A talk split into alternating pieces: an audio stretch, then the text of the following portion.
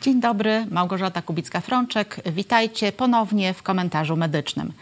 Dzisiaj zacznę od pytania, kto zostanie ministrem zdrowia w nowym rządzie? I jeszcze jedno pytanie, czy w ogóle będzie minister zdrowia?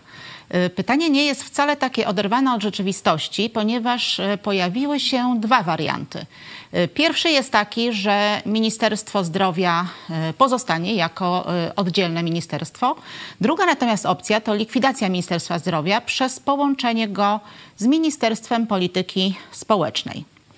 Załóżmy jednak tą wersję bardziej prawdopodobną, że Ministerstwo Zdrowia zostanie. Y, zważywszy w związku z tym na y, bardzo liczne problemy, y, z jakimi od lat, a można powiedzieć, że nawet od dekad, resort zdrowia się zmaga, pytanie brzmi, kto będzie tym bohaterem, albo kto będzie dobrowolnym skazańcem, który zasiądzie na stołku ministra zdrowia. Tego nie wiemy, rząd się dopiero formuje, pewnie coś będziemy wiedzieć dopiero po 11 listopada. Y, ale y, no jest to ministerstwo, które na pewno y, nie jest najbardziej popularne wśród polityków do wzięcia. Nie dość, że problemów jest sporo, to są wśród nich takie problemy, które bardzo mocno antagonizują społeczeństwo. Chociażby pytanie, jak uporządkować kwestie związane z terminacją ciąży. A jeszcze pytanie kluczowe. Y, pytania, y, pytanie ekonomiczne w związku z tym y, ważne. Skąd pieniądze na realizację obietnic przedwyborczych? Bo tutaj chciałabym podzielić się obietnicami. Nowa Lewica obiecała 8% PKB na zdrowie.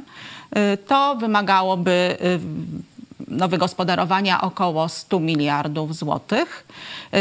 Koalicja Obywatelska była ostrożniejsza, ale też y, w obietnicach przedwyborczych mówiła o zniesieniu limitów przyjęć w szpitalach, y, co również y, wiąże się z dość dużym wydatkiem z budżetu, na pewno idącym w miliardy, jak nie dziesiątki miliardów złotych.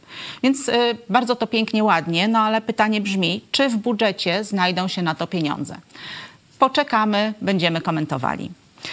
Drugie e, pytanie, drugi problem Ministerstwa e, Zdrowia to e, powracający jak bumerang, bumerang problem kształcenia lekarzy.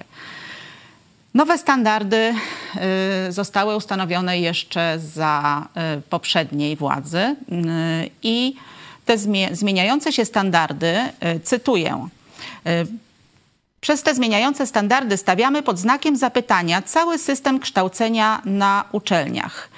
Tak skomentowała problem dziekan Centrum Kształcenia Podyplomowego dr Małgorzata Gałązka-Sobotka. Y, między uczelniami jest w tej chwili już duży rozdziew, jeśli chodzi o y, poziom. Y, nowo powstałe kierunki lekarskie na uczelniach, które nie mają ani odpowiedniej bazy dydaktycznej, ani infrastruktury, można mówić, że jest to już przepaść dydaktyczna.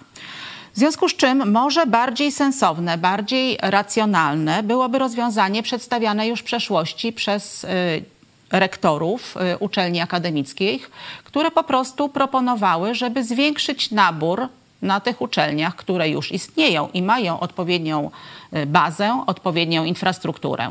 Y, oczywiście wiązałoby się to z mm, podniesieniem stawki za y, kształcenie przyszłego lekarza, ale myślę, że to jest opcja, którą warto by było rozważyć. No i problem kolejny, czy pytanie do nowego rządu kolejne. Bo zanim wykształcimy tych nowych lekarzy, to y, policzmy sobie 6 lat studiów medycznych, rok stażu. Jeśli to ma być specjalista, to jeszcze 2-3 lata minimum y, specjalizacji, czyli o nowych lekarzach, jakby nie było, y, możemy mówić dopiero za dekadę. Pytanie do rządu, do Ministerstwa Zdrowia jest więc takie: co zrobić, jakie rozwiązania zaproponować, wybrać, żeby rozumnie zagospodarować y, tych lekarzy, tą kadrę, którą już mamy. Jakie y, rozwiązania mm, widzicie, y, jeśli chodzi o zachęcanie lekarzy z zagranicy do przyjazdu z powrotem do Polski? No i chyba główne pytanie, Jakie można zaproponować rozwiązania, żeby mm, zahamować migrację lekarzy z sektora publicznego do sektora prywatnego? Tutaj chciałam się z Wami podzielić pewną ciekawostką. Jest to odpowiedź lekarzy, którzy wybierali pracę w sektorze prywatnym.